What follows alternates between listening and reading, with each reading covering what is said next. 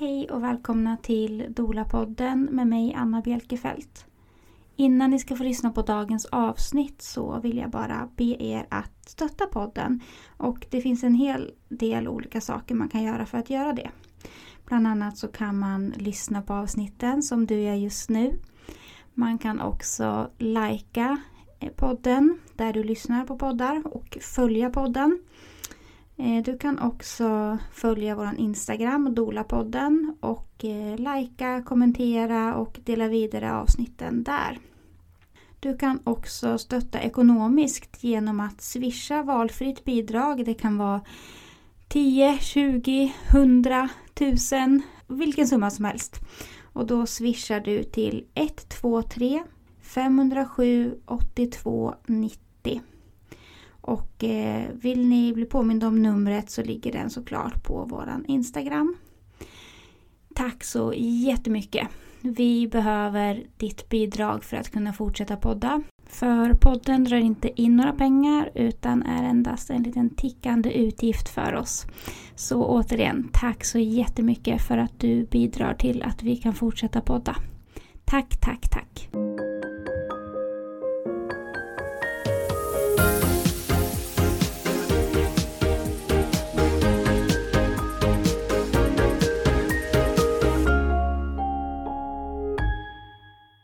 Äntligen är du här Disa, välkommen! Tack så jättemycket! Så kul att du är här! Mm. Jag sa det till dig när vi skulle käka lunch, jag är lite starstruck att du är här. Det är så kul! och jag bara nej, du får inte vara starstruck! I'm just one of you, I'm starstruck, nej. you're amazing! Men det är bara fantastiskt mm. att eh, ja, jag har så sjukt mycket frågor till dig. Eh, och eh, vi kommer inte hinna med alla, men vi har jättemycket frågor. Eh, men jag tror att de flesta som lyssnar säkert känner till ditt namn, att man har hört ditt namn. Eh, men berätta vem du är och vad du sysslar med. Mm.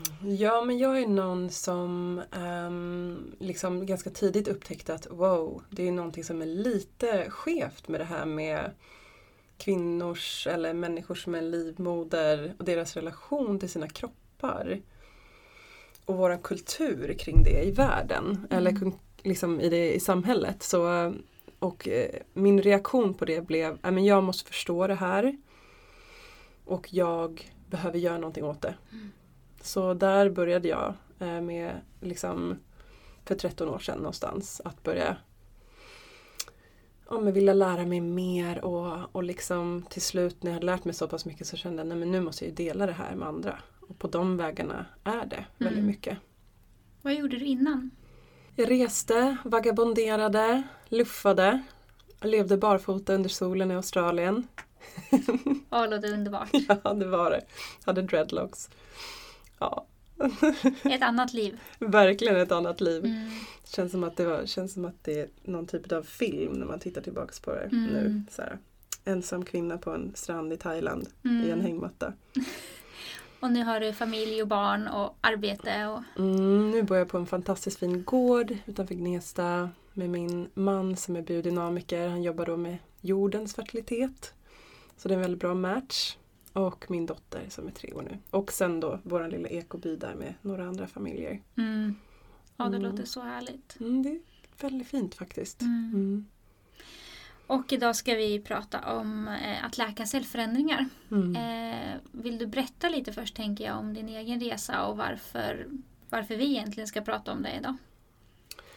Ja, mm, eftersom jag är som jag är sådär mm, envis och inte jag började med att studera naturmedicin när jag var 23 och sen dess har jag liksom varit väldigt skeptisk till vårdens erbjudanden och rekommendationer när det gäller allt. Så därför så tog inte jag mina cellprover.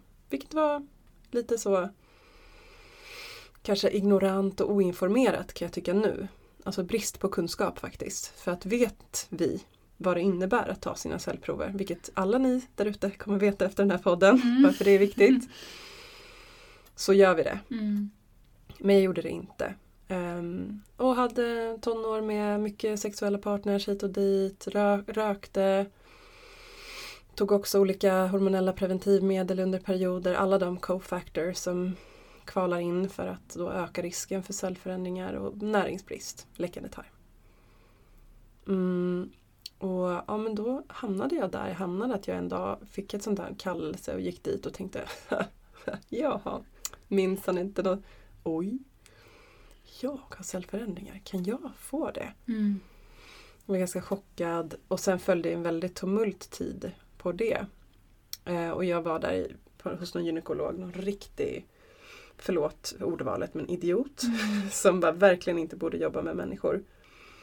Eh, och i princip bara ville, han nästan viftade med skalpellen direkt och jag var bara sådär, hade börjat min, på, påbörjat min utbildning på Justis till HRHP och kände att nej, det måste finnas andra sätt. Och där och då var det som att om jag kommer göra det här för mig, men jag kommer också göra det här för alla de kvinnor eller de med en livmoder och en cervix som följer efter mig. Så jag ville på något sätt både läka mig själv för att bevisa det för mig och för att jag inte ville skära i min cervix. För att jag var så sugen på att bli gravid och få behålla mitt barn och ha en härlig förlossning. Men också att jag ville så här, ja men jag tänker bevisa att det går. För jag vet att det går. Mm. Så här, det, finns, det finns ingenting, jag tror inte att det finns någonting vi inte kan läka. Nej. Så därför sitter jag nog här för att jag gav liksom djupdök verkligen i um, litteraturen och i den kunskap som fanns och ja, gick bananas liksom på alla håll och kanter för att så här, I'm gonna deal with this. Och Mm.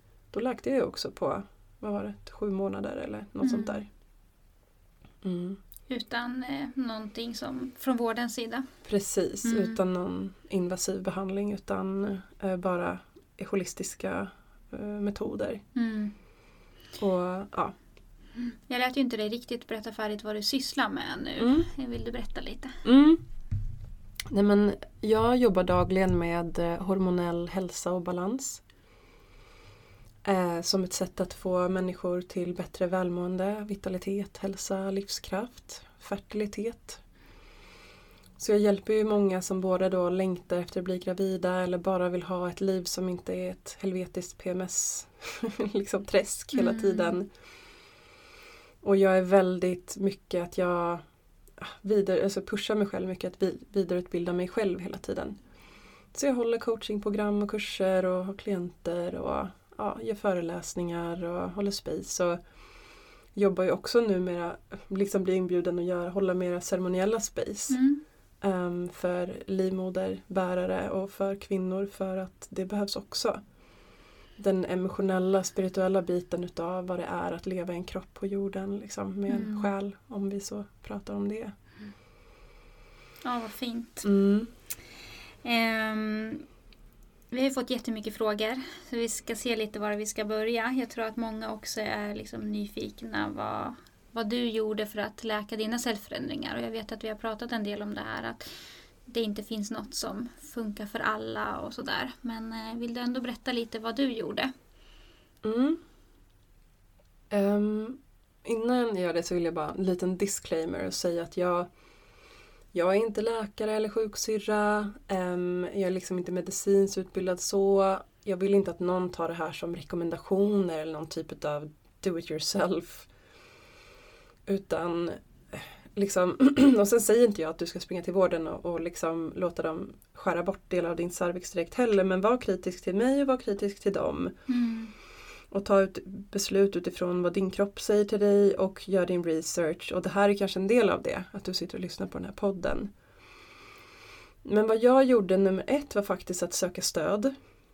Alla tänker kanske nu att ah, men nu kommer jag börja prata om de här kosttillskotten direkt. Men det var inte det som var den stora grejen. Den stora grejen för mig var att hitta familj och nära runt omkring mig som faktiskt kunde ja, men finnas där för mig.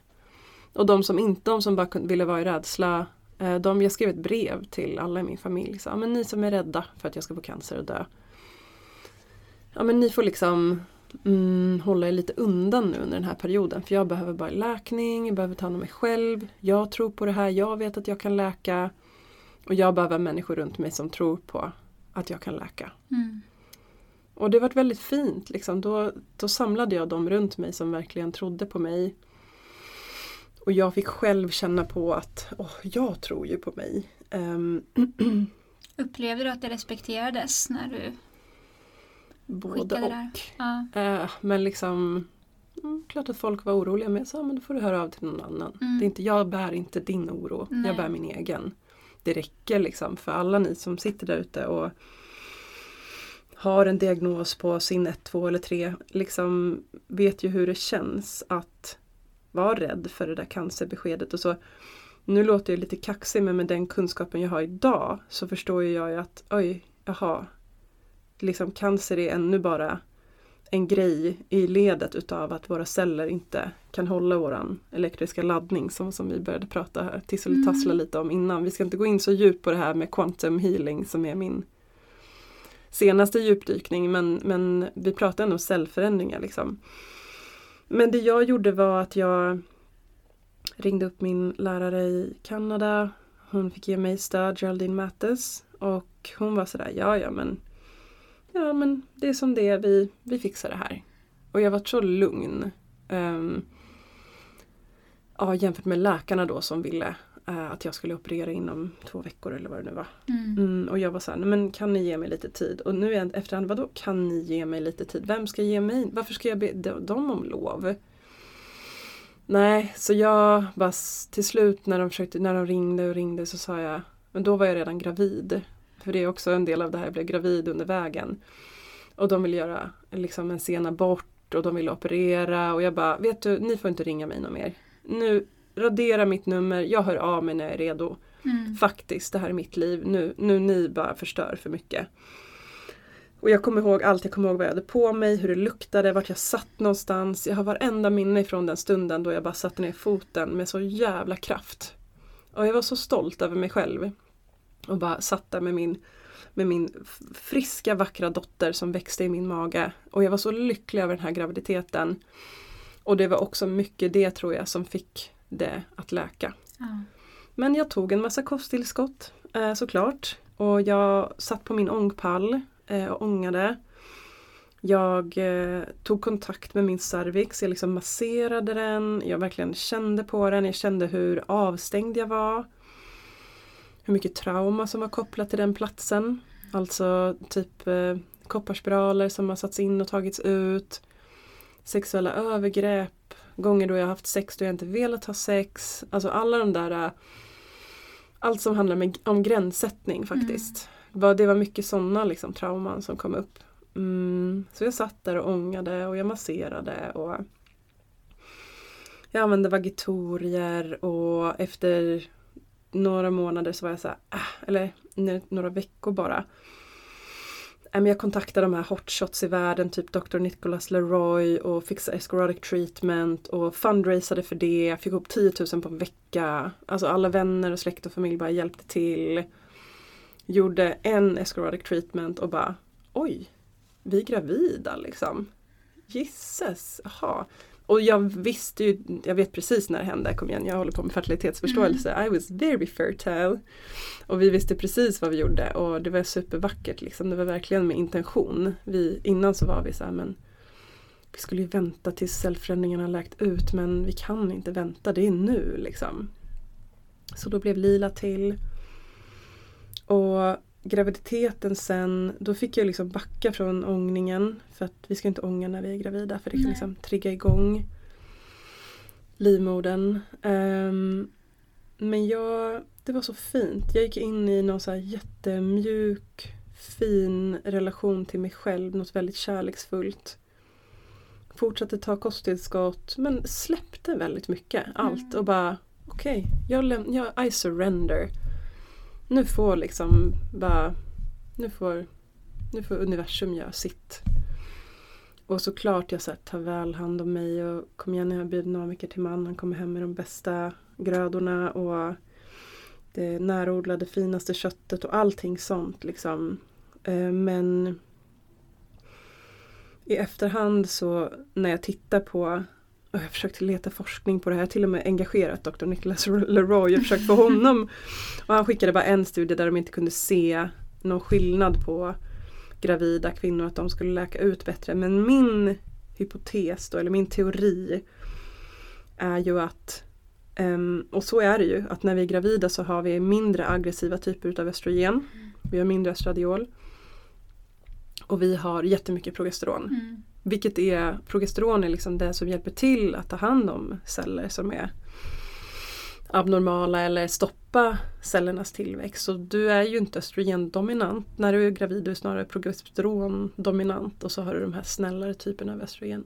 Så jag är starkt övertygad om att det hade med det hela att göra. Mm. Och att om vi ja, hjälper kroppen på olika sätt så kan nog en graviditet snarare hjälpa till. Snarare än tvärtom. För vi Mm. kommer nämna det här med östrogendominans och varför det är en del av Mm. den här problematiken, eh, cervixdysplasi. Men så typ Mm. lite så. Mm. Mm. Vad, ehm, vad var det för eh, cellförändringar som du hade? Mm. Jag hade SIN3, alltså HSIL, High Grade Squamous Intraepithelial Lesions. Och de är ofta så här eh, graderade så, SIN 1, 2, 3. Där är SIN 1 är då LSIL då, Low Grade Squamous Intraepithelial Lesions och HSIL är då SIN 2 och SIN 3 Cancer in situ. Mm. Så Sist. tre liksom den hög, högsta graden. Ja. Mm. Och det var därför de ville operera Mm. direkt. Och jag är så jäkla tacksam för de här cellförändringarna. Mm. Wow! Alltså Berätta vad de... Ja, men jag var någonstans där och då i livet då jag var sådär men Ska vi ha barn eller inte? Eller så här, jag, vill, jag vill kalla in det här. Vågar jag? Kan jag? Och, eh, och det var bara ett bra, alltså det var bara någonting som verkligen det verkligen gjorde mig ödmjuk inför livet och hur lite jag har att säga till om. Och hur kraftfull jag är i att vara skapare utav min egen värld. Och de två paradoxerna samtidigt gjorde mig så jäkla vaken i eh, min vardag. Att jag helt plötsligt bara oj, men tänk om jag skulle få cancer och dö av det här. Vad vill jag göra då? Vilket typ av liv vill jag leva? Vad vill jag jobba med? Vad vill jag ha för relationer? Ah, Mm. allt bara ställdes på sin spets. Eh, som ni nu, många där ute säkert har samma känsla men det kanske är mera eh, hopplöshet inblandat för Mm. att man inte vet. Jag hade ju en av världens bästa stöd utav min lärare Geraldine på, eh, på Justice College och hon är ju eh, holistic reproductive health practitioner utav alla liksom. Mm. Eh, så hon kunde ju verkligen hjälpa mig och jag gick också till en väldigt duktig naturläkare samtidigt som också bara så här, bra men då sätter vi in ett full-on leverstöd och så, så gör vi den här grejen och så gör vi den här grejen och det kommer bli bra. Mm. Mm. Det är säkert att jag la 15 000 på kosttillskott under den Mm. perioden. Eh, Ja. Så det är inte billigt men har man en lägre typ sin 1 eller 2 då har man längre tid på sig också. Då behöver man inte pusha det sådär hårt direkt eller liksom ehm, ja. Vill du berätta vad cellförändringar är för de som Mm. inte vet? Så om vi börjar med vart de sitter någonstans så, så har vi liksom livmodern och i mm, som öppningen in till livmodern, livmodermunnen kan också kallas för livmodertappen. Så finns det också någonting, det kallas också för cervix. Eh, och där inne finns de här fantastiska juiciga kryptorna som jag jobbar så mycket med. Eh, det här sekre, eh, sekretbildande kryptorna och det. Men där i cervix öppning och runt den så finns det något som heter eh, transformationszonen. Och där transformeras en typ av celler till en annan typ. Ehm, och det, den, liksom, det området är väldigt mottagligt och väldigt skört för just virus som HPV under speciellt tidigt i livet. Så under tonåren liksom. Ehm, där de flesta av oss har en sexualdebut och där har vi HPV och så tjohej. Och så Mm. har man inte redan HPV men det där kanske vi kommer gå in på lite. Men så cellförändringar är alltså en infektion i det området utav de cellerna med ett, något visst typ av virus. Och det här är då HPV, humant papillomavirus och det finns över hundra olika strains, olika typer men de vanliga är då 16, 18, 31, 33 och så vidare. Och så vidare. Mm. Det finns Jag tror att det är nästan 20 olika eh, HPV-sorter som då är cancerframkallande. Inte bara de här som de vaccinerar emot Nej. utan det finns många fler. Så ungefär 20 stycken av de här 100. Mm, eller, eller mer än 100. Ja. Och det här är också så himla alltså, väldigt godtyckligt för att det är så många olika källor, säger så många olika saker. Det är väldigt svårt Mm. att veta exakt. Man kan läsa och läsa och läsa och alla säger lite olika. Mm. Så du menar de här cellerna, det, tanken är att de ska förnyas. Ja. Eh, Men vad är det som händer då när de inte gör det?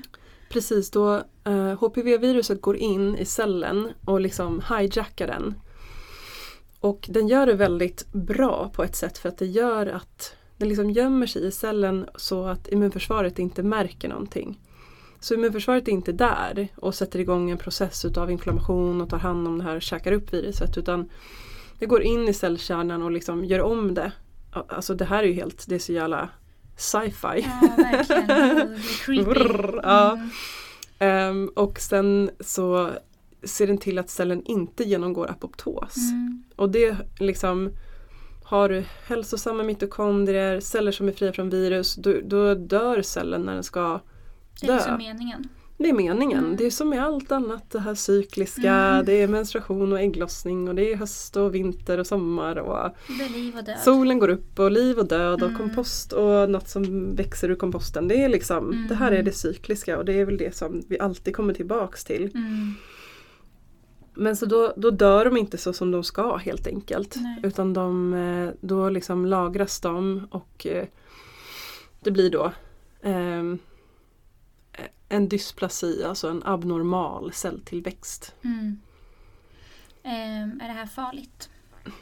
Alltså ja och nej. Eh, om vi tittar liksom statistiskt och vi kanske ska rabbla lite forskning för det är ganska spännande. Mm. Så när man har gjort längre forskningsstudier på upp till sju år då har man sett att 90% av alla läker ut. Och det är något som är sådär att 3% utvecklas vidare och 5% kvarstår. Mm. Så 3% kan man säga att det kan utvecklas då vidare efter sju år. Men 90, mer än 90% då eh, ja, kommer läka ut Mm. av sig självt. Mm. Och någon studie som var gjord på två år i Danmark då var det 50% av alla som läkte då ut under två år. Mm. Så Så det beror lite på under hur lång tid man har kollat på det. ja, det beror det på så himla, det beror på väldigt, väldigt många olika faktorer Mm. faktiskt. Huruvida, du kommer, huruvida det här kommer att vidareutveckla sig till en cancer eller om det kommer stanna Mm. upp eller liksom om det kommer läka ut. Mm. Det är ändå väldigt eh, höga siffror om man kollar på hur mycket som läker av sig själv. Väldigt höga. Mm. Jag är väldigt förvånad hur snabbt de ofta vill skära och hur mycket vi vill Ja. vaccinera för att det här är någonting som kroppen, om kroppen har de näringsämnen de behöver, om de har celler som är intakta med vad de behöver. Då, som att jag går inte orolig för att jag ska få cellförändring igen. Nej. Eller att jag kommer någonsin få någon cancer eller så här, inte överhuvudtaget. För jag tycker jag har hackat det där ganska Mm. bra. Och nu kan vi, det kan vi prata hur mycket som helst om biohacking och, och liksom det här med quantum healing och allting men summan av kardemumman är ju att alltså förstår vi så här, lite på cellnivå vad vi behöver då är det inte så så jävla komplext. Nej. Ja, För det som egentligen, som jag tycker är intressant med det här, det här är ju kanske mer varför cellerna är mottagliga mm. för det här viruset Mm. istället. Liksom. Och då finns det ju uh, liksom jag vet inte säkert tusentals men jag har ju bara plöjt några hundra forskningsrapporter som tittar då på just folatnivåer. Och det är därför det finns de här cofactors. Är det nu vi ska Mm, citera? Absolut. För att om man tittar på de främsta så kallade kofaktorerna, cofactors till varför vi utvecklar cellförändringar. Så är ju då eh, här, och nu citerar jag då här Kristina Gemsell Danielsson och eh, Helena Kopp Kallner i den här fantastiska Obgyn-litteraturen. Eh, och riskfaktorer då. Att all cervixcancer är relaterad till tidigare infektion med HPV. Och riskfaktorerna de har varit välkända under väldigt lång tid. Tidig sexualdebut, naila den. Ja. Multipla sexpartners, Mm. naila den. Rökning, Mm. väldigt vanligt bland tonåringar. P-pilleranvändning. Vänta nu, har vi typ beskrivit Mm. eh, general tonåring i våran kultur just nu? Exakt. Yes. Positiv klamydia. Jättevanligt. Ja. Mm. Och så låg socioekonomisk status Mm. och immunosuppression är de sista. Så när man börjar läsa om cervixcancer och sådär i världen då har vi liksom, eh, de, liksom de länderna som vi skor oss på, alltså alla de länderna som vi fortsatt, hävdar jag, och många med mig, eh, kolonialiserar. Eh, för att vi ska kunna ha det bra och ha billiga Nike-skor och hm kläder och allt vad det nu är. Det är de som får mest cervixcancer. Mm. Ehm, här uppe är det ganska ovanligt nu för tiden. Om du inte fortsätter ta p-piller och röka och liksom inte ta hand om dig. Så, och vad de här, eh, bland annat p-piller och rökning gör är att, du får, att det utarmar din kropp på folat. Och B-vitaminkomplexet, speciellt B12. Och E-vitamin och A-vitamin och så vidare och så vidare och så vidare. Så det finns ju otroligt mycket forskning på eh, liksom egentligen liksom näring Mm. eh, som har med det här att göra. Att det är näringsbrist som gör cellerna Fet mottagliga. näringsbrist. Mm. Och nu håller jag ju på jättemycket med det här med liksom solljus och infrarött ljus och det gör ju också att våra celler blir påverkade. Så Mm. brist på sol, brist på elektroner från jorden, brist på syre för att vi typ knappt andas, vi är bara stressade hela tiden. Mm. Och så brist på näring. Mm. Och så lite stress på det och så slänger du in lite så här att du knappt ägglossar och östrogendominans. Lite wifi och icke-naturliga elektromagnetiska fält på det. Ja men och sen lite dricka vanligt kranvatten och få, sorry, få inte full on ångest nu, sorry.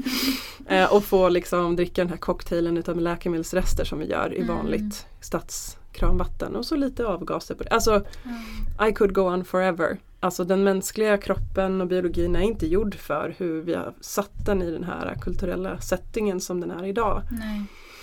Och då kommer vi inte ha, vara motståndskraftiga mot sådana här typer av virus. Eh, Medan om vi sätter kroppen i dess naturliga tillstånd med vad den behöver. Vi är under solen, vi har elektroner från jorden och vi har alla de här bitarna med näring och då Omega-3 fettsyrabalans har vi också pratat om här idag och jag har börjat Mm. jobba mer och mer med eftersom det gör att vi kan få mer elektroner till cellen och den här laddningen kan bli liksom starkare. Och starka celler med bra laddning har inte cancer. Nej. That's it. Mm. Och det är det vad vi kommer fram till nu. Vi kommer närmare och närmare och närmare de här bitarna. Så frågan är bara hur vi kan göra det och det är gratis med sol och jord. Ehm, så istället för att gå och springa och köpa ett det dyraste B-vitaminkomplexet och det kanske ni också kommer behöva ta. Men alltså vara ute i solen och få mycket sol på huden och ha mycket hudkontakt med jorden. Det kommer göra susen. Mm. Det är sån medicin, livsstilsmedicin som vi inte kan jämföra med att ta tillskott. För att är dina celler inte genomsläppliga nog för att du ska kunna ta upp näring och behålla näring i cellen. Då är det de där pengarna för tillskott är i sjön. Ja, det spelar ingen roll då. Mm. Alltså såklart att det kommer göra lite skillnad men Mm. ja så liksom Det är det jag hela tiden kommer tillbaka till att det är en, verkligen en helhetsgrej och nu kanske du sitter ute och bara östrogendominans och vad är det? Mm. Men jag kommer tipsa sen på slutet om vad man kan hitta till mig och, och mina kanaler och, och du kan också googla östrogendominans och det finns en massa olika sätt idag att förstå lite mer om vad det är och varför det uppstår. Ehm, Men jag var definitivt östrogendominant Mm. Ehm, och det är ju någonting som vi, det måste vi liksom förändra kanske först. Få igång en stark och bra ägglossning och en härlig follikel. För att östrogenet ska funka, en, en lever som fungerar väl för att vi inte ska ha östrogenmetaboliter i blodet för det är de som kommer ställa till det. Mm. Jag skulle säga att det finns ingen cancerform hos kvinnor som inte har med östrogendominans att göra. Utan det är östrogenet som driver på celldelningen. Mm. Ehm, och så är det. Mm. Liksom. Så det behöver vi dela med först. Mm. Och eh, hur, eh, du var inne på det här med att, ja, men, vad det är som gör att man är mottaglig, att eh, mycket handlar om livsstilen. Mm. Eh, då förstår man ju också lite, men vi kanske kan gå in på hur vanligt det är att, att eh, man har eller liksom att man får det. HPV. Mm. Åh, de där siffrorna. Mm. Ja, jag kan inte riktigt hur många det är som Mm, nej, Nej. jag har faktiskt inte koll på det. Ehm, Det är helt okej. ja, det Eh. var, jag försökte googla den här statistiken och det var Mm. jättemycket kring cervixcancer men det var inte så mycket kring mm, cellförändringar och HPV och hur många som får det men man skulle ju kunna säga att Alltså det här är liksom basic fakta och det här Mm. hittade jag i all, när jag gjorde min research, deep research för några år sedan.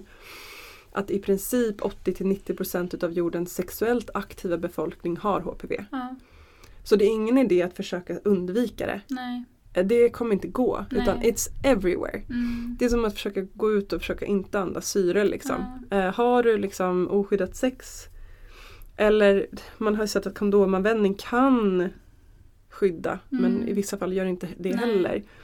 Och det vi började prata om i relation till vaccinet var ju att ehm, har du redan en pågående infektion, vilket är väldigt vanligt idag för att vi har HPV latent i våra celler. Det finns där och vi, ehm, vi föds med det. Mm. Det finns i fostervattnet. Det finns det också en del forskning på. Och Så det är liksom Jag skulle säga att det är ingen idé att tänka att du, ska, du kommer bli helt paranoid om du ska Mm. försöka undvika eller ha min partner det. Men en grej vill jag säga och det här kom jag på liksom sent igår kväll att jag bara det där måste jag komma ihåg. Och det är att i en ejakulation, alltså penis ejakulerar inuti vagina, finns det extremt mycket HPV om Mm. han har HPV. Ja. Så att jag, vi pratade ju om, vi pratar inte så mycket om sex. Nej, Apropå precis. podden som du precis har Mm. spelat in här med Eh, Erika Ahlsborn. Mm. Mm. Och ehm, så liksom det här med sex och liksom vilket typ av sex och jag tipsade om tantra och caressa. Liksom att inte ha det här eh, reproduktiva sexet som är så här, måldrivet på orgasm och reproduktion utan det är drivet på kärlek och oxytocin och närhet och njutning Mm. och ett så här långt, eh, livslångt lovemaking istället för att nå någon typ av high. Mm. Ehm, eller någon typ av peak liksom. Eh, och jag säger inte att det är dåligt, jag säger bara att det har inte funkat för mig och oss. Och det här med att fortsätta ejakulera på en cervix som redan kanske är lite nedsatt immunförsvar på är ju och så kan man prata om immunförsvaret och D-vitamin och bla bla bla, thymus, Mm. haha, sköldkörteln, haha. Mm. Men liksom men eh, att kanske försöka undvika ejakulation liksom när du har cellförändringar. Mm. ehm, om det inte är så att du vill bli gravid. Mm. Så börjar jag fundera på det här med har vi procreative sex, alltså har vi reproduktiv sex för att bli gravida eller har vi oxytocin, stint, caressa, Mm. tantrisk sex för att komma närmare varandra, bonda i vår relation. Mm. för ju mer sån ejakulation på cervix desto mer kommer hon behöva ta hand om i form av HPV-angrepp. Mm. För det här är någonting som finns hos både kvinnor och män. Precis. Mm. Och som Ehm, smittar via sex oftast. yes, det, Ja. är, det smittar via samlag. Ja. Ehm, sen finns det ju då strains som man kan få, liksom, det är vårtor Mm. eh, det handlar om. Så det finns ju andra typer utav HPV som inte är de som då liksom drabbar just cervix utan där du kan få vårtor på andra ställen på fötter och på händer. Det är också HPV-virus Mm. och det får du ju om du går på badhuset. Ja. Vad, eh, vad vill man göra från vårdens sida? Du var lite inne på det när du berättade din egen historia. Ja, om man börjar från början då så vill ju liksom, någon förlängning av vården vill ju vaccinera. Mm. Och det, jag har gjort ganska mycket research i det här och helt ärligt, de kan inte bevisa, eller de kan inte säga att det här senaste Gardasil eller det tidigare skyddar mot livmoderhalscancer för det är det ingen studie någonsin som har bevisat. Nej. För de har inte gjort så långa studier att de kan bevisa det och det erkänner de själva. Biverkningslistorna är ju ofantligt långa och bara det som kom in till det här eh, Food and Drug eh, liksom FDA eh, under de åren som de släppte det här 2010 var det väl eller något sånt där. Mm. Eh, var ju, det var ju helt, det är ju helt horribelt Mm. eh, vilka biverkningar unga kvinnor har fått av det här. Vill du nämna några? Ja men eh, mycket med kramper, stelhet, mycket med leder, muskler, knän eh, Mycket illamående, yrsel, huvudvärk. Ehm, så jag vill ju verkligen, verkligen att ni där ute som är mammor till döttrar som ni tänker att ni behöver ta det här. Fråga er en omgång till om barnet redan har det så vet vi och till och med läkemedels, eh, de som eh, Merck då som skapar det här Gardasil har till och med gått ut och sagt att det, är, det ökar risken för livmoderhalscancer om du redan har HPV och du blir vaccinerad mot det. Ja. Du är infekterad och du får in viruset, makes sense att det kommer förvärra situationen. Så om du inte kan garantera att din dotter, eller son då i det här fallet, inte har om du kan garantera att de inte har det och känner att ja, men jag vill vaccinera mot någonting som kanske med en väldigt, väldigt, väldigt liten procentsats skulle kunna ge cancer någon gång men som kan då motverkas med hjälp av de här cofactors, Mm. näringsnivåer och väldigt mycket common sense. Eh, så ja, då är det upp till er men min rekommendation och för min del och för mitt barns skull så kommer jag ju då inte att välja att vaccinera mot just HPV för Nej. jag tycker att det är waste. Mm. Liksom. Mm. Eh, för jag tycker inte att det är det är inte tillräckligt, de har inte kunnat bevisa för mig att det är tillräckligt säkert eller bra eller att det liksom når eh, sitt mål. Så det är nummer ett vad många då rekommenderar i vaccination. Och nu Vilket- är det ju på tal också att vaccinera alla Mm. barn i Ja skolan. men precis, med Mm. Gardasil 9, den som skyddar mot de här nio olika. Men nu måste vi komma ihåg att det finns då 20 olika minst då typ, vad vi vet som kan ge cancer. Så då ska vi vaccinera mot några utav dem och vad vissa då menar på, precis som vi såg att det hände med covid, är att vi, vaccinerar mot någonting och då, blir det, då växer den sig starkare och den muterar till en Mm. form som vi då inte kan rå oss på längre. Så jag tycker att det här är lite att så här, leka gud, playing with the fire, att hålla på och försöka vaccinera bort någonting för det kommer, HPV kommer aldrig försvinna. Nej. Det är bara, alltså om någon säger det då är det bara så här, Det är som att säga att vi skulle vara ensamma i ett oändligt universum. Mm. Alltså, what? Mm. Hur kan vi tro det? Det är så Mm. verklighetsfrånvänt. Ehm, så jag är ju, jag är verkligen, jag är inte så här full on vaccinationsmotståndare åt andra håll hela tiden men jag är kritisk. Mm. Och jag går in och läser forskningen, lyssnar på seminarier, jag liksom läser min litteratur. Och vem som helst som sitter där ute och bara, ah, jag ska motbevisa henne, ja men please do. Snälla gör det, Please do. Mm. Eh, för just det här med att de säger att det skyddar mot livmoderhalscancer, det, Mm. det kan de inte säga för de har inte kunnat bevisa det själva i någon Nej. studie. Eh, ja. Mm. Men sen så fortsättningen på det är ju att eh, du får börja ta, du blir kallad till cellproven från att du är 26. Mm. Ehm, och då så om du har någon typ av cervixdysplasi så är det vanligaste är så kallad watch and wait. Mm. Och då kan vi ju tycka att det hade varit härligt att kliva in med någon liten pamflett och säga här är vanliga cofactors, det här är riskfaktorer bidragande, det här vet vi. Mm. Men är det någon som har fått en sån, finns den? Nej, här måste jag gå till Objyn, litteraturen för att hitta det. Man bara men Mm. ah, det är någonting som inte känns helt Nej jag vet inte. Det Nej, känns, det känns som att inte det helt är många som får veta så, ah, men jag har sett förändringar men det är inget som de gör någonting åt nu. Och så får man ingen mer information och så ska man bara komma tillbaks och så fortsätter man mm, livet precis som vanligt. mm, Och så hade man egentligen kunnat göra jättemycket för att Absolut. förbättra förutsättningarna för läkning. Precis. Men man får inte veta någonting. Nej. Och du kunde, har du cellförändringar då kan du utgå ifrån att du har näringsbrist. Mm. För annars hade du inte fått det. Nej. Du kan utgå ifrån att cellerna, immun- immunförsvaret egentligen inte orkar Mm. ta hand om infektionen. Så, ehm, så det första då är watch and wait. Eh, och där hoppas jag att folk då ska hitta till sådana som Nicholas Leroy eller Denell Rocky eller mig. Så man kan få lite input och bara Mm. aha okej det finns faktiskt saker jag kan göra. Precis. Mm.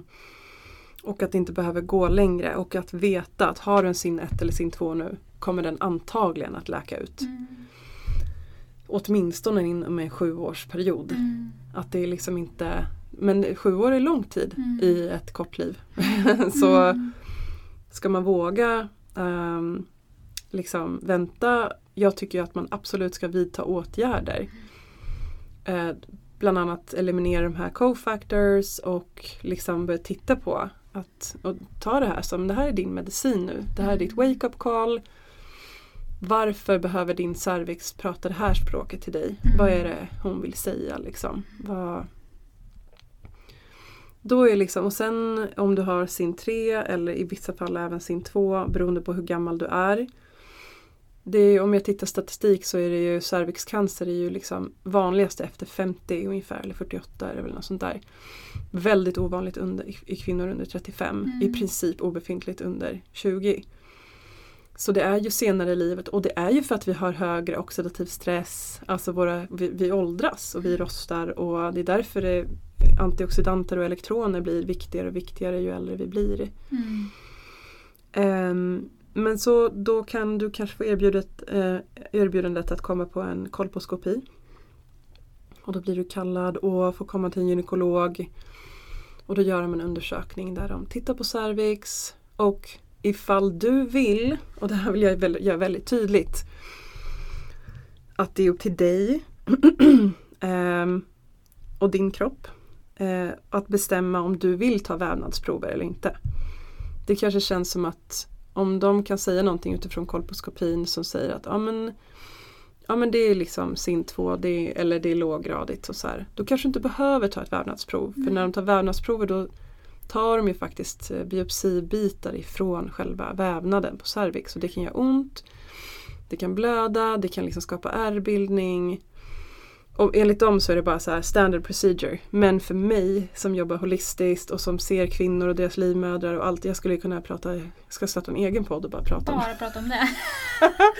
alla kvinnor som jag har träffat med cellförändringar som har lagt si eller så eller som har opererat och sen opererat igen och opererat igen. Och jag ska dela min, min story här om eh, min läkning, min sista, mitt sista gynekologbesök när jag Mm. berättar klart om det här. Men så kolposkopi och biopsi. Och sen då om de tycker att ja, men det här är illa, vi behöver operera. Då är det ja, liksom vanligtvis en konisering. Mm. Det finns en massa olika varianter och typer utav den där. Jag kommer inte ihåg exakt. Eh, men då tar man i alla fall bort en ordentlig del utav eh, tappen där det då är eh, cellförändringar. Mm. Eh, och vad Nicholas Leroy då menar på, om vi ska ha honom lite som en guru i det här, för han har ändå spenderat de senaste 20-25 åren av sitt liv åt Mm, berätta vem han är. Ja, en läkare eh, som har blivit av med sin licens såklart för att han börjar behandla kvinnor med obskyra metoder. Mm. Ehm, men han har hjälpt hundratals kvinnor att läka från cellförändringar med hjälp av något som heter escarodic treatment. Och sitt väldigt rigida eh, näringsprogram. Mm. Han har skrivit Painting a Target on HPV och jag sträckläste hans bok när han eh, då, eh, liksom när det här begav sig. Ehm, ja men vad han säger i alla fall är att när man också då skär i cervix då, för HPV finns närvarande, då kommer du också exponera djupare vävnadsdelar för själva viruset. Och, believe it or not, de flesta som kondenserar behöver ju kondensera igen. Mm. Vet alltså väldigt få, eller ingen jag har träffat, men jag träffar ju bara de som kanske koniserar mycket. Men, Mm. och då kommer vi in på när jag då till slut jag var ju en så jävla jobbig patient och det tycker jag att du också ska vara. Du har fan rätt att vara jobbig. Och be om det, du, ska, du har rätt att ta med ett vittne, du har rätt att be om att få prata med läkaren i förväg, du har rätt att be om samtycke i varenda del. Och sen jag börjat praktisera här så har jag haft fantastiska gynbesök. Men när jag då tyckte att nej men nu är det dags, fem månader in i graviditeten nu, att kolla läget.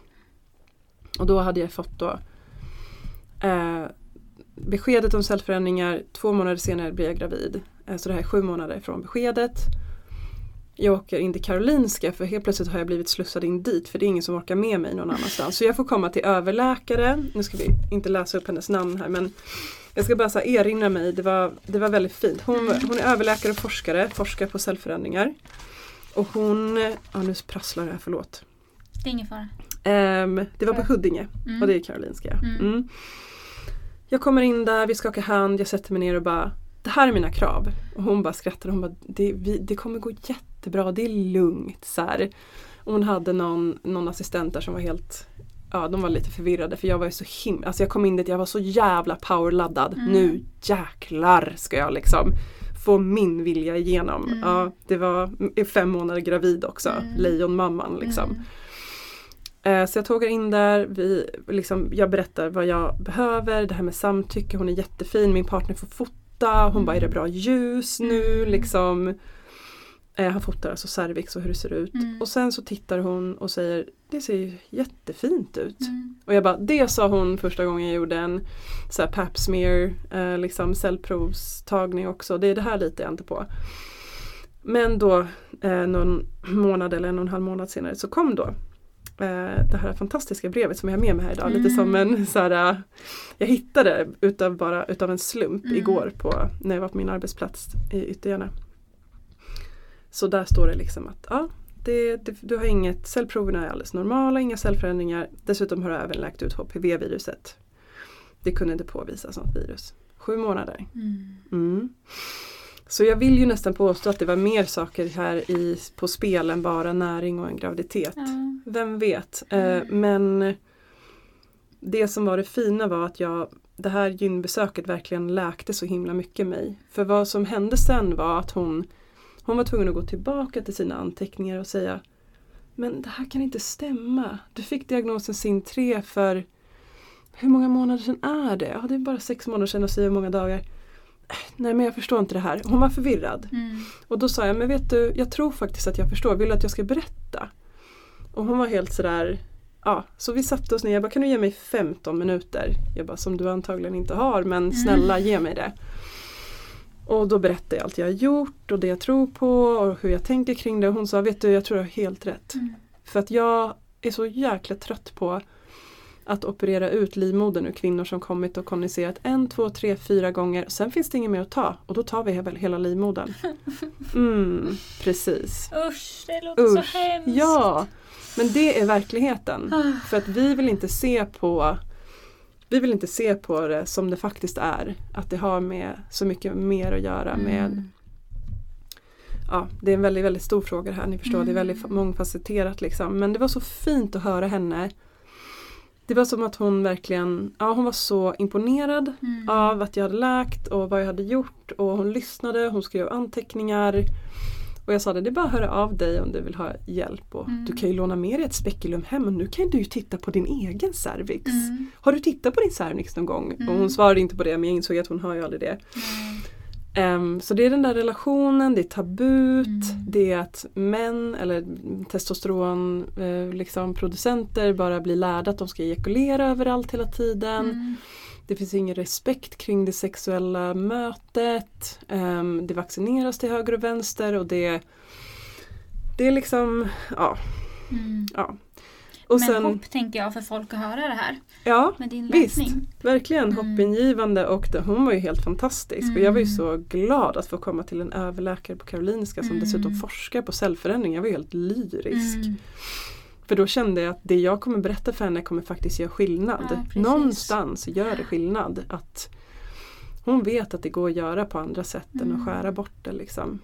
Då tänker jag att det var väldigt bra att du träffade just henne. Alltså jag pratade med en överläkare på Danderyd om det här och liksom, ja, men jag har gjort saker för att läka cellförändring. Hon var så här, men hon liksom skakade på huvudet och bara ja men det var, hon sa någonting med att liksom cervix är helt eller liksom den är, det, har, det, det har sitt eget liv. Typ så.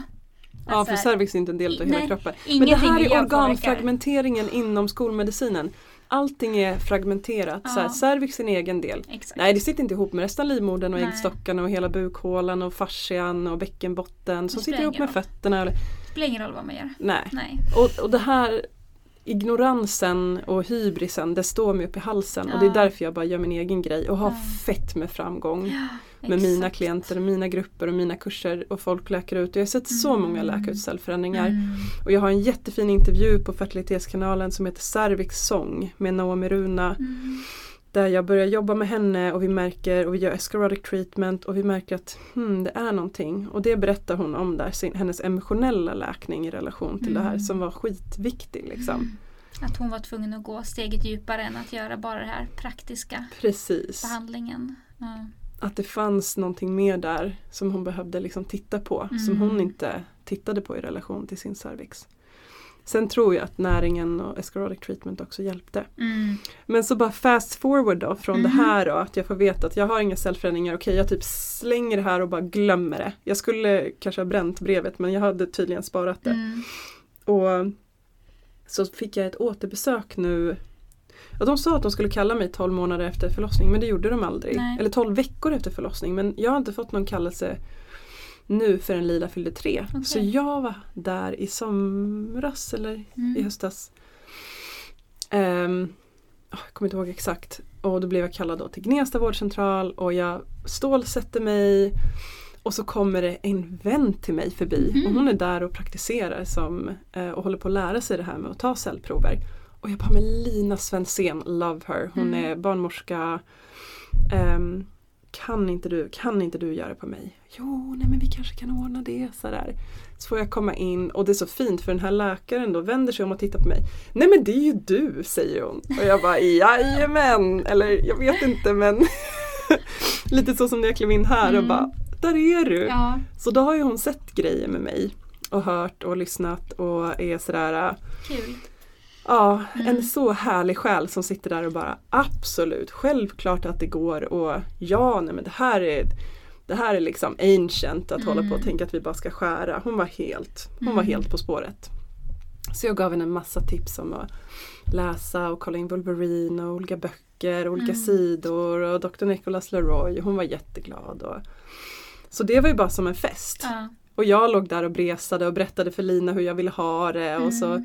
Nu måste du säga till innan du gör det här. Och så Mm. måste du be om samtycke. Och jag fick liksom lära upp en, någon, lära någon Mm. hur utifrån min liksom, position vad, vad jag behövde eller Mm. vad vi behöver i Mm. form av samtycke när någon ska då komma in i våran kropp. Mm. Ja, jag Mm. tänker det ska vi absolut komma in lite på hur man kan tänka vid gynbesök och så som jag tror att många fortfarande liksom många vuxna kvinnor som tycker att det är jättejobbigt. Eh, Men en fråga som jag tror kommer upp när folk lyssnar på det här för att eh, det kan vara lite svårt att veta vilken kunskapsnivå folk som lyssnar har. Ja. Eh, och jag har ju också nördat ganska mycket på det här senaste året.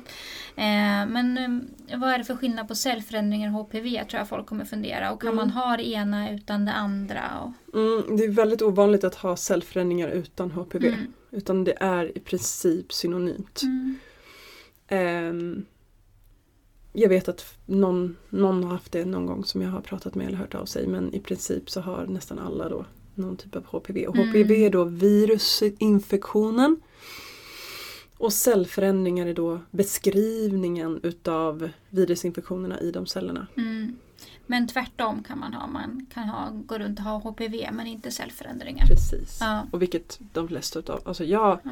nu hittade de inte HPV där. Och hon säger att du inte har någon HPV och jag kanske inte har HPV. Jag har ju tagit så mycket örtmediciner och rensat ut en massa andra parasiter och hej och. Eh, Men eh, det finns också en stor risk att jag har det latenta. Att det liksom, om min, min hälsa skulle gå ner på något sätt att jag kanske skulle tappa. Mm. Men HPV är liksom inte det man kollar efter utan det man kollar efter på de här proverna är ju cellförändringar som har uppkommit av HPV. Eller hur? Precis. Mm. Mm. Och så, så testar de ju ofta på de här biopsierna så kollar de ju vilken strain. Ja. Och strains är väldigt stort och viktigt och mycket av forskningen nu för tiden görs på just vilken typ av HPV Mm. det är. För det är de vanligaste 16, 18, 31 och 33 eller vad det nu är. Något sånt. 11 finns väl med där också. Mm. finns en lång lista liksom på vilken som är värst och så här. Men 16 och 18 är de vanligaste. Ja, så man utgår väldigt mycket från typ Mm. och inte så mycket Ja, och att det är därför det är väldigt viktigt att ta kanske de här biopsierna för att förstå vilken typ. ehm, om det är då en aggressiv. Mm. Men eh, så hade jag fått reda på att jag hade cellförändringar, gått och gjort en kolposkopi och de hade frågat om biopsi då hade jag nog övervägt det och sagt ja för att det är Mm. spännande att veta. Men å andra sidan kan man nästan utgå ifrån att det Ja, att du behöver göra någon action ändå. Mm. Men ja, det måste vara upp till dig och din kropp och vad du känner att du är redo för. När de vill fortsätta göra mycket biopsier, då kan jag känna att det kanske inte är det du behöver. Nej. Men det måste var och en liksom känna in men att fortsätta Man kan göra kolposkopi, att man tittar, man, tar vävnads, man kan ta lite sådana pap smear, alltså att man tar cellprover men man måste kanske inte ta bitar. Nej, precis. Förutom den här första gången då för att få reda på hur det står till. Liksom. Mm. Vad har du Disa för tips till de som har cellförändringar? Vi har pratat lite vad man kan göra själv men hur tänker du kring liksom kost och ja, tipsa dem helt enkelt. Oh, det är så stort det där. Mm. Men, Alltså- Några små saker bara. Mm, men jag tycker om att sätta, jag, jag liksom tänker alltid helhet, hela kroppen. Lite tvärtom det där org, organfragmenterade.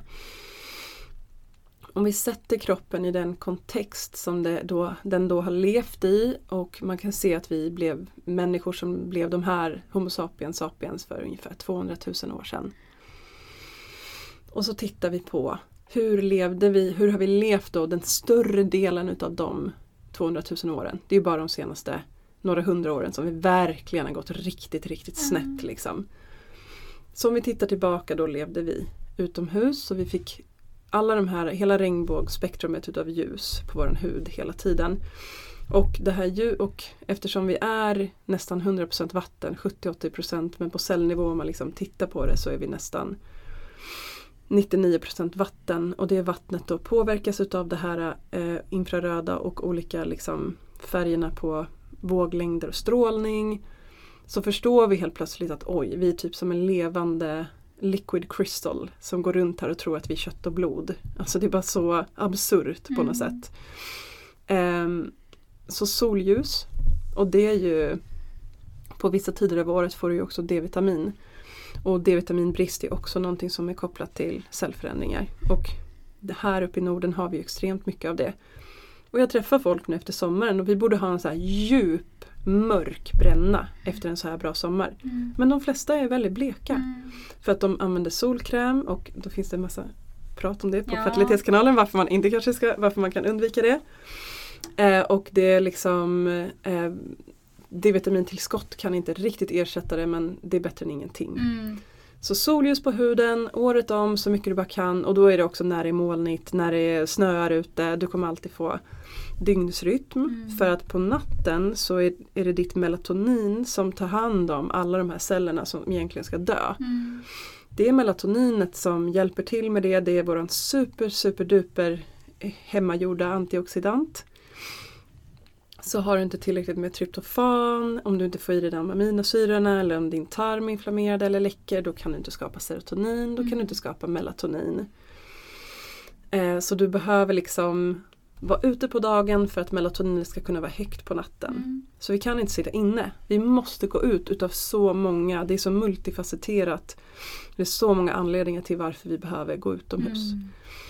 på dagtid och gå och lägga oss när det blir mörkt. Så det är så jävla basic grejer som Ja. jag pratar om nu för tiden. Alltså jag pratar inte om så här häftiga dyra kosttillskott. Nej. Förutom balansoljan då som jag nu har börjat sälja för jag tycker att det är svinbra produkt. Mm. Så vissa grejer är så här, till slut har jag fått liksom ah, Okej då, jag gör Mm. det för att det verkar ju verkligen behövas för mig Mm. och andra. Med sol och sen jobbar jag jättemycket med jordning. Och jordning har ju en väldigt, väldigt multifacetterad, det höjer också ditt melatonin på natten. Berätta Sen- vad det är för något. Jordning är alltså hudkontakt med jorden. Ehm, Så jag håller på att utbilda nu jordningsguider internationellt. Och det handlar om att förstå jordens elektromagnetiska fält och hur vi då hör ihop, allt levande på jorden hör ihop med det. Mm. Men att vi människor har liksom eh, klippt med den källan till elek- fria elektroner som då parar ihop sig med, en, en, med fria radikaler i kroppen och oskadliggör eh, inflammation i princip. Mm. Ta hand om inflammation och kan vara, verka smärtlindrande på under en timme. Om du har ont någonstans och går ut och sätter dig barfota och är barfota mot jorden, gräs, eh, sand, gärna lite blött för då leder det bättre. Så är det väldigt bra för dig och din, din sömn och din smärtlindring och din antiinflammatoriskt och elektroner behöver liksom mitokondrierna i våra celler. De har Mm. vant sig vid de här, alla de här hundratusentals åren och egentligen miljoner åren som vi har levt på jorden liksom som apmänniskor och hela våran evolution.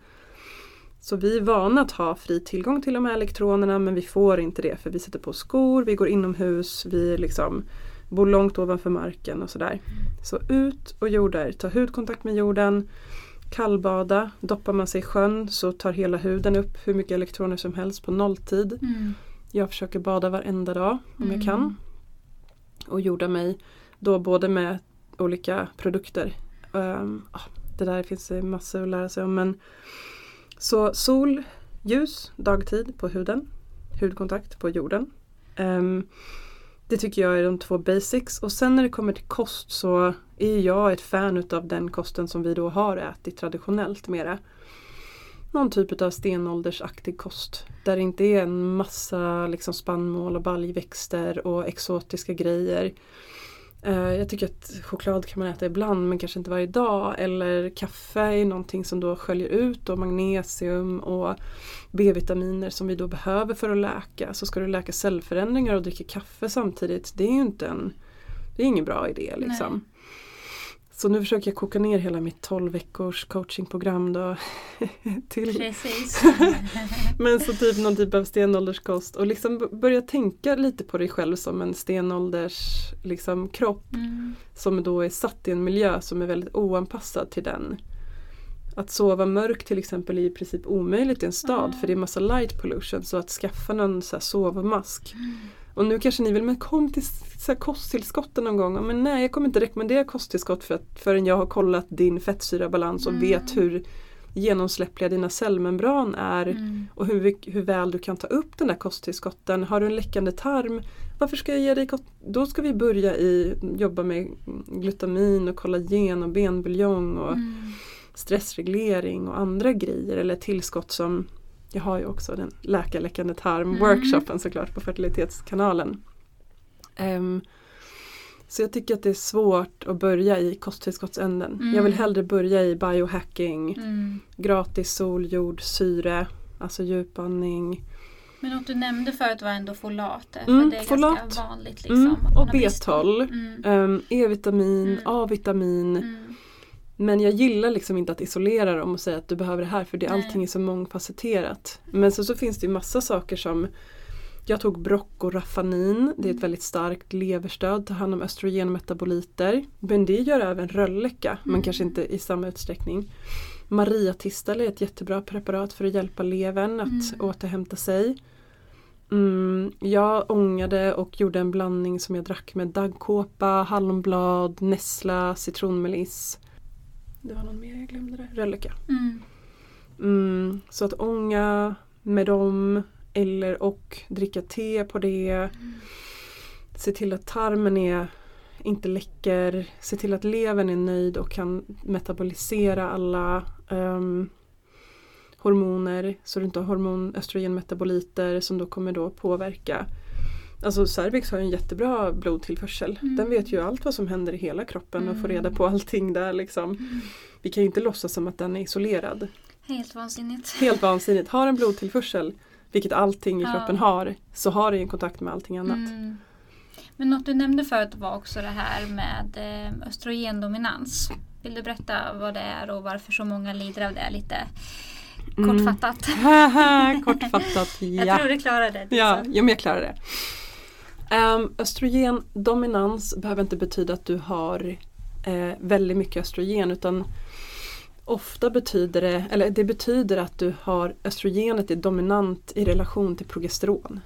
Um, om man väldigt så här crash course cykeln så från dag ett på mens så börjar du eh, dag tre ungefär in i cykeln så börjar ditt östrogen att stiga. Eller det ska göra det. Gör du inte det så kanske du fortsätter blöda, stänkblödningar och sådär.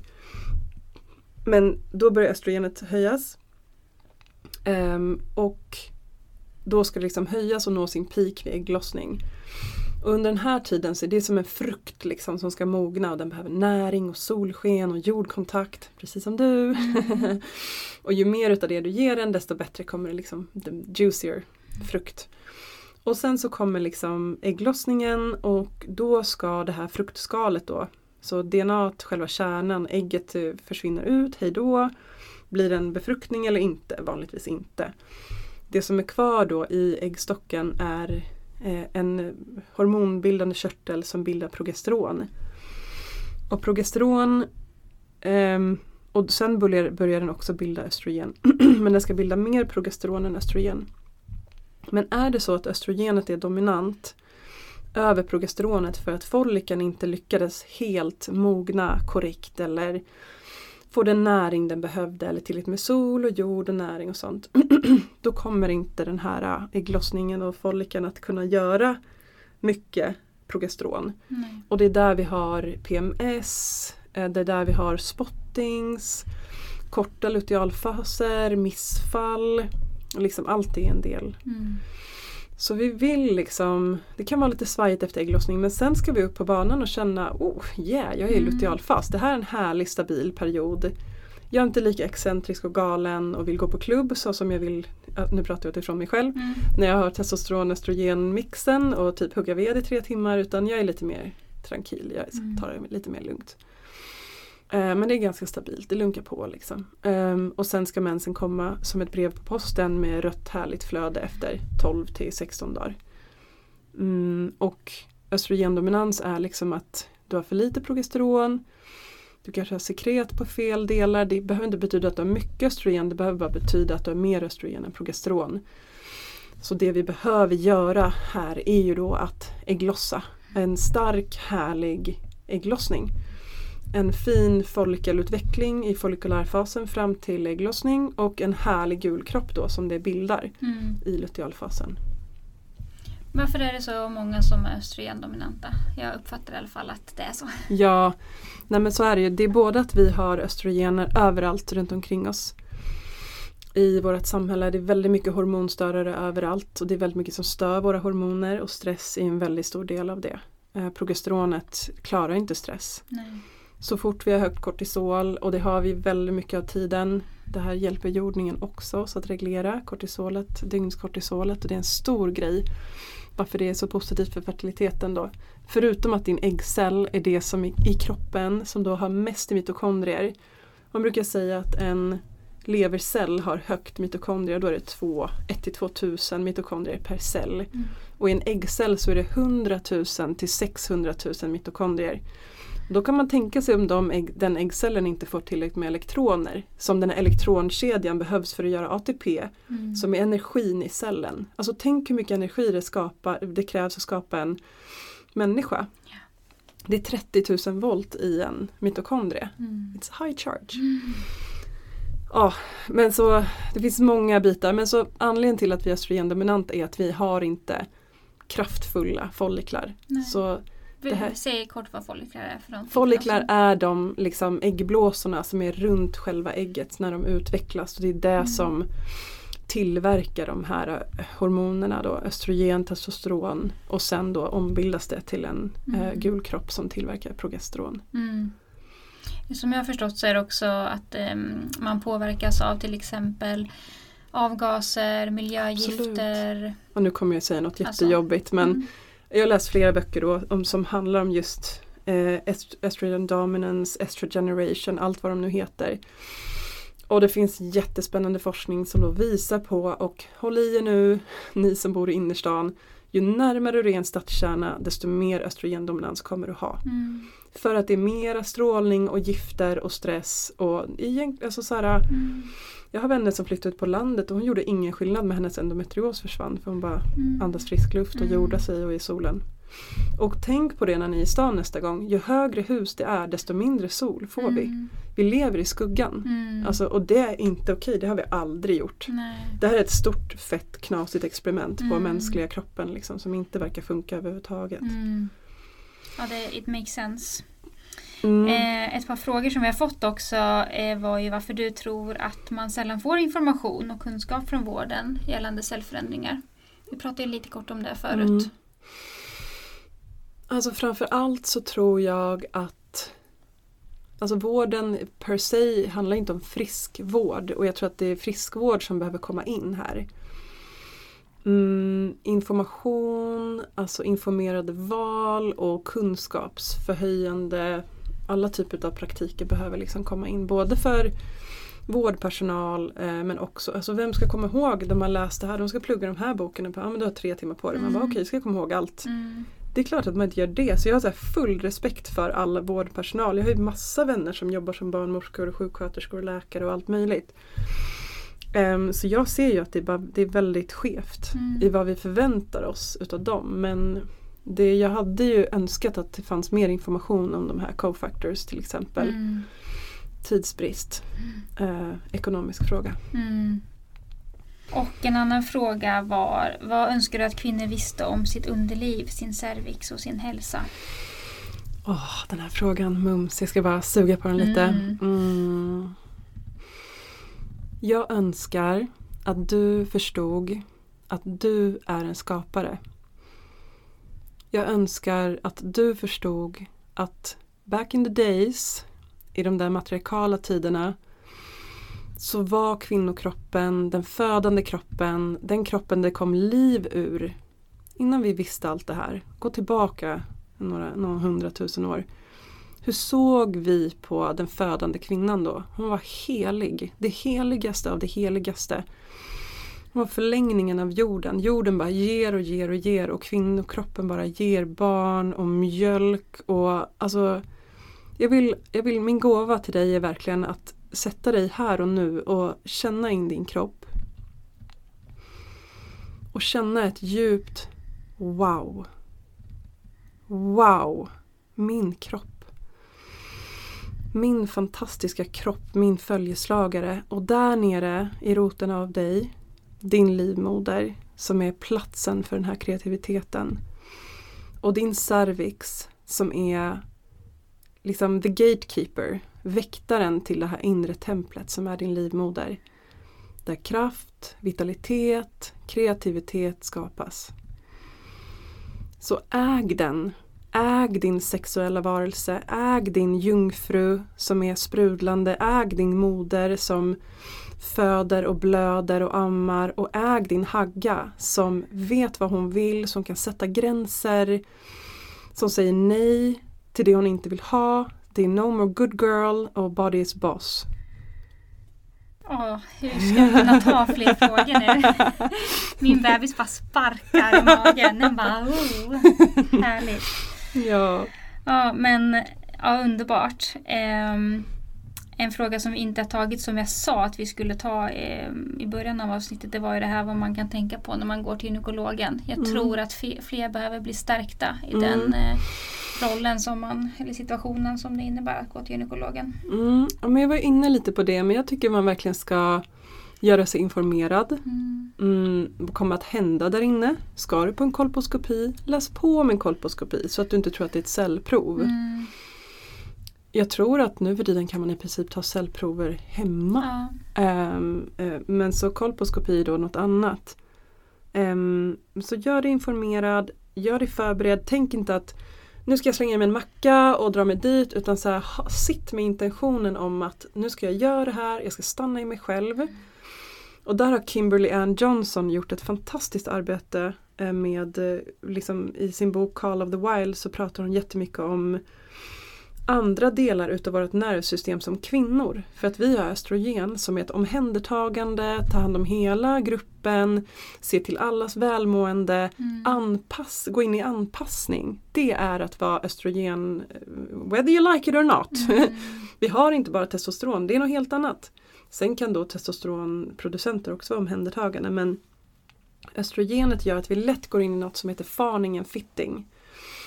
Man vill vara till lags, man vill inte göra någon upprörd, man vill passa in. Så ta fram er inre hagga och det är alltså den här gamla kvinnan som har levt ett helt liv, som vet vad hon vill, vad hon behöver, hon tar inte skit från någon.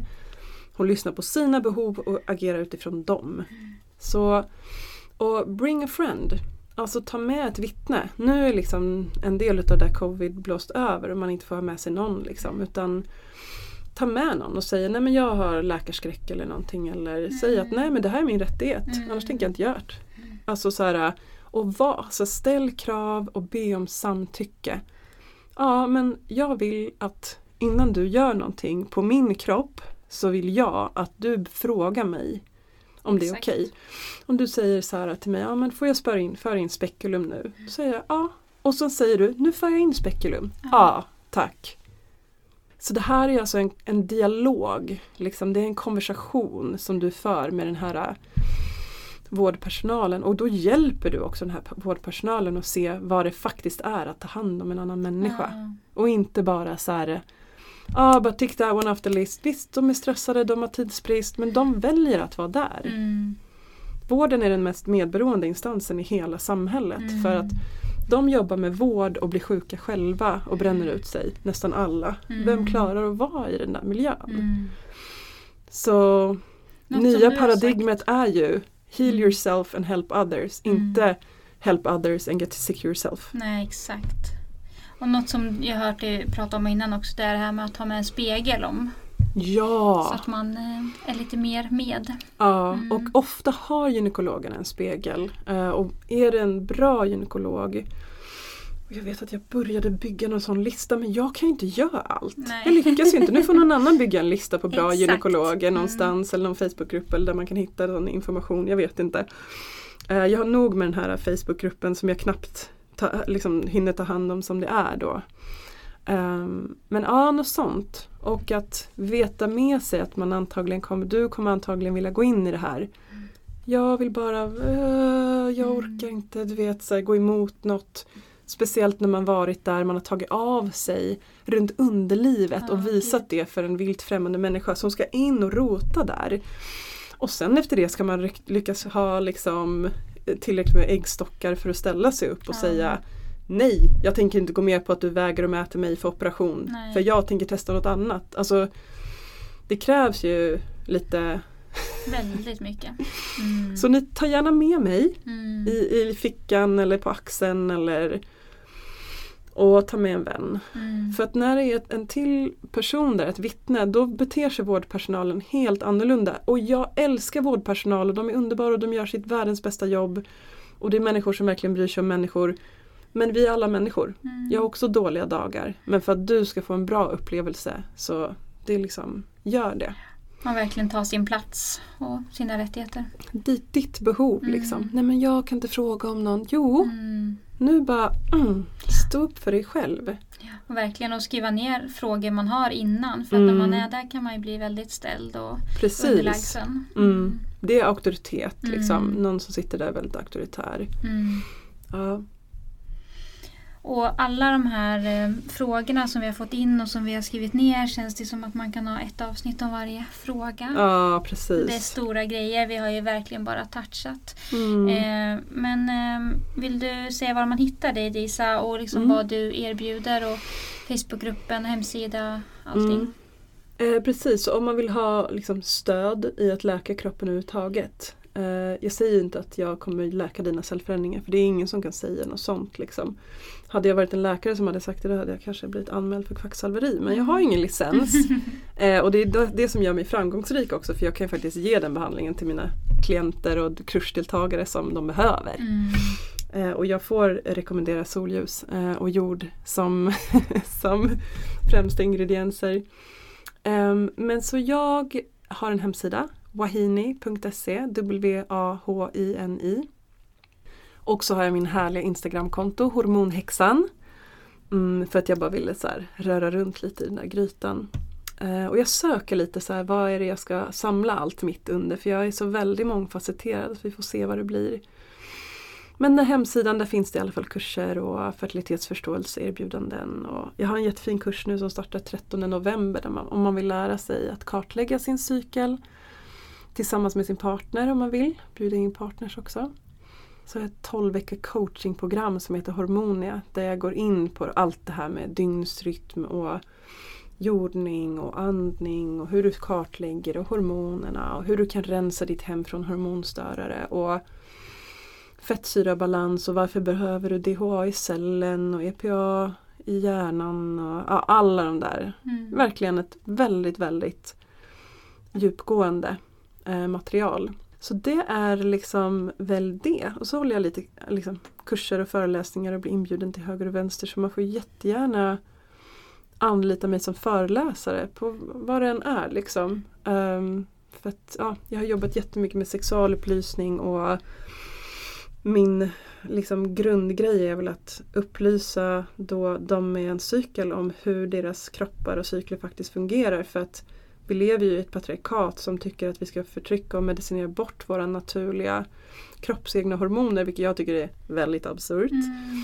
Eh, och därför tycker jag att vi behöver en liksom, fertilitetsförståelsen är lika mycket så politisk, aktivistisk handling för mig som att jag tycker att det är så himla härligt att inte behöva liksom, alltså, medicinera bort sina kroppsegna hormoner. Det förstår ju alla att det, Mm. it's not gonna, det kommer inte bli bra. Eh, snacka om att öka risken för andra följdsjukdomar och alla de biverkningar som kommer med det och hur det Mm. påverkar naturen och allting. Mm, så det är verkligen, fertilitetsförståelsen är mig väldigt kär och som jag verkligen vill att egentligen alla skulle kunna ha tillgång till. Förhoppningsvis gratis i framtiden men vi är inte riktigt där än. Liksom. Så det är kursformer. Mm. Och sen de som har genomgått det här hormonia-programmet de kan boka one-on-one så sitter vi och plockar och petar i vad just du behöver då. Mm. Liksom. Mm. Och med cellförändringar så har jag, jag har en hel eh, fertilitetskanalen heter det där jag har typ 20 snart 30 olika föreläsningar och en där heter cellförändringar min läkning. Och en heter cervix sång. Och så finns det också då eh, östrogendominans som man kan lära sig om och så. Och sen massa massa andra grejer, hur du läker inflammation, det här med infrarött ljus och liksom det finns en massa saker där att skörda liksom om man vill läka sig själv. Var hittar man den? Vad heter den kanalen? Fertilitetskanalen, Mm. ja, på min, via min Instagram Mm. eller via min eh, hemsida. Mm. Um, Den ligger på Bonn TV. va? Boon TV heter Mm, den. mm. Mm. Boon TV slash Wahini. Ehm, och ja, följer man mig på Instagram så vet man säkert och Mm. man kan hitta det i mitt linktree och på hemsidan finns det också så. Ehm, och sen vill jag också tipsa om att det finns ju en, en jag startade en grupp för jag saknade ju så stöd från andra. Tyckte alla grupper liksom bara så ratade det här med cellförändringar för alla är så rädda att prata om liksom förstadier till cancer. Mm. Så jag eh, ja, startade en grupp som heter Cellförändringar läka naturligt. Och ja, den har nu tyvärr 1300 medlemmar. jag släpper in massa nya då och då. Ehm, och eh, bara en liten så här, brasklapp där att jag är väldigt dålig på att gå in och liksom släppa in folk men typ en gång i månaden eller när någon Mm. pokar mig bara Hallå jag har väntat nu i två veckor, kan du släppa in Mm. mig? Jag bara okej. Mm. För att jag tar inte tid till det liksom, eller jag har så mycket annat. Mm. Mm, Men det är en Facebookgrupp som man kan få stöd i och ställa frågor och så. precis, Ja. och där går ju folk ofta in och tänker att här ska jag få ett så här, Mm. det här, nu ska jag få det levererat och det Nej, det är inte riktigt så den är. Det, den, den är mera uppbyggd på att man kan fråga om tips eller om specifika grejer, man kan söka på hashtags. Man kan känna att man är i ett forum där andra gör samma sak som en själv. Det finns massa där om escarodic treatment för de som vill veta mer. Och ja, annars så tycker jag ändå att så här, de här poddarna som vi har spelat in eh, Denelna Rocky, Cervical Wellness är väldigt spännande att tipsa om. Hon har jobbat jättemycket med det här. Hon har skrivit en bok som heter Informed, Aware, Empowered med en stor spekulum på Mm. framsidan så här. Eh, och så Dr. Nicholas Leroy då. Sen finns det säkert flera andra liksom, men det är de jag har liksom studerat och vet att de är duktiga och Mm. kan sin grej. Eh, och den här föreläsningen Cellförändringen läka naturligt den går ju in på de här näringsämnena och bla bla bla men på den tiden när jag spelade in det för två år sedan då höll jag inte på med det här med lika mycket med biohacking och circadian rhythm och infradian rhythm och allt det här som jag gör nu. Förlåt att jag blandar svengelska men du vet det blir så här, ja Du är inte den första gästen. jag förstår det. Vi är så liksom americanized. Men det är också för att jag, alla mina vidareutbildningar är ju amer- coola amerikaner som jag Mm. följer och studerar med. Och, så det är eftersom jag, så som jag sa, det första och främsta medicinen är livsstilsmedicinen i form av att sätta din kropp i rätt kontext igen. Mm. Vad det, det den behöver liksom. Mm. Mm. Jag tänker att vi ska länka till de här personerna som du nämnde Mm. och de här eh, Mm. hur man hittar dig och sådär Ja, så att det blir fint. lite tydligare. Mm, tack. Alltså stort tack Disa för att du Mm. kom hit och ville prata om de här grejerna. Ja, Tack! tack.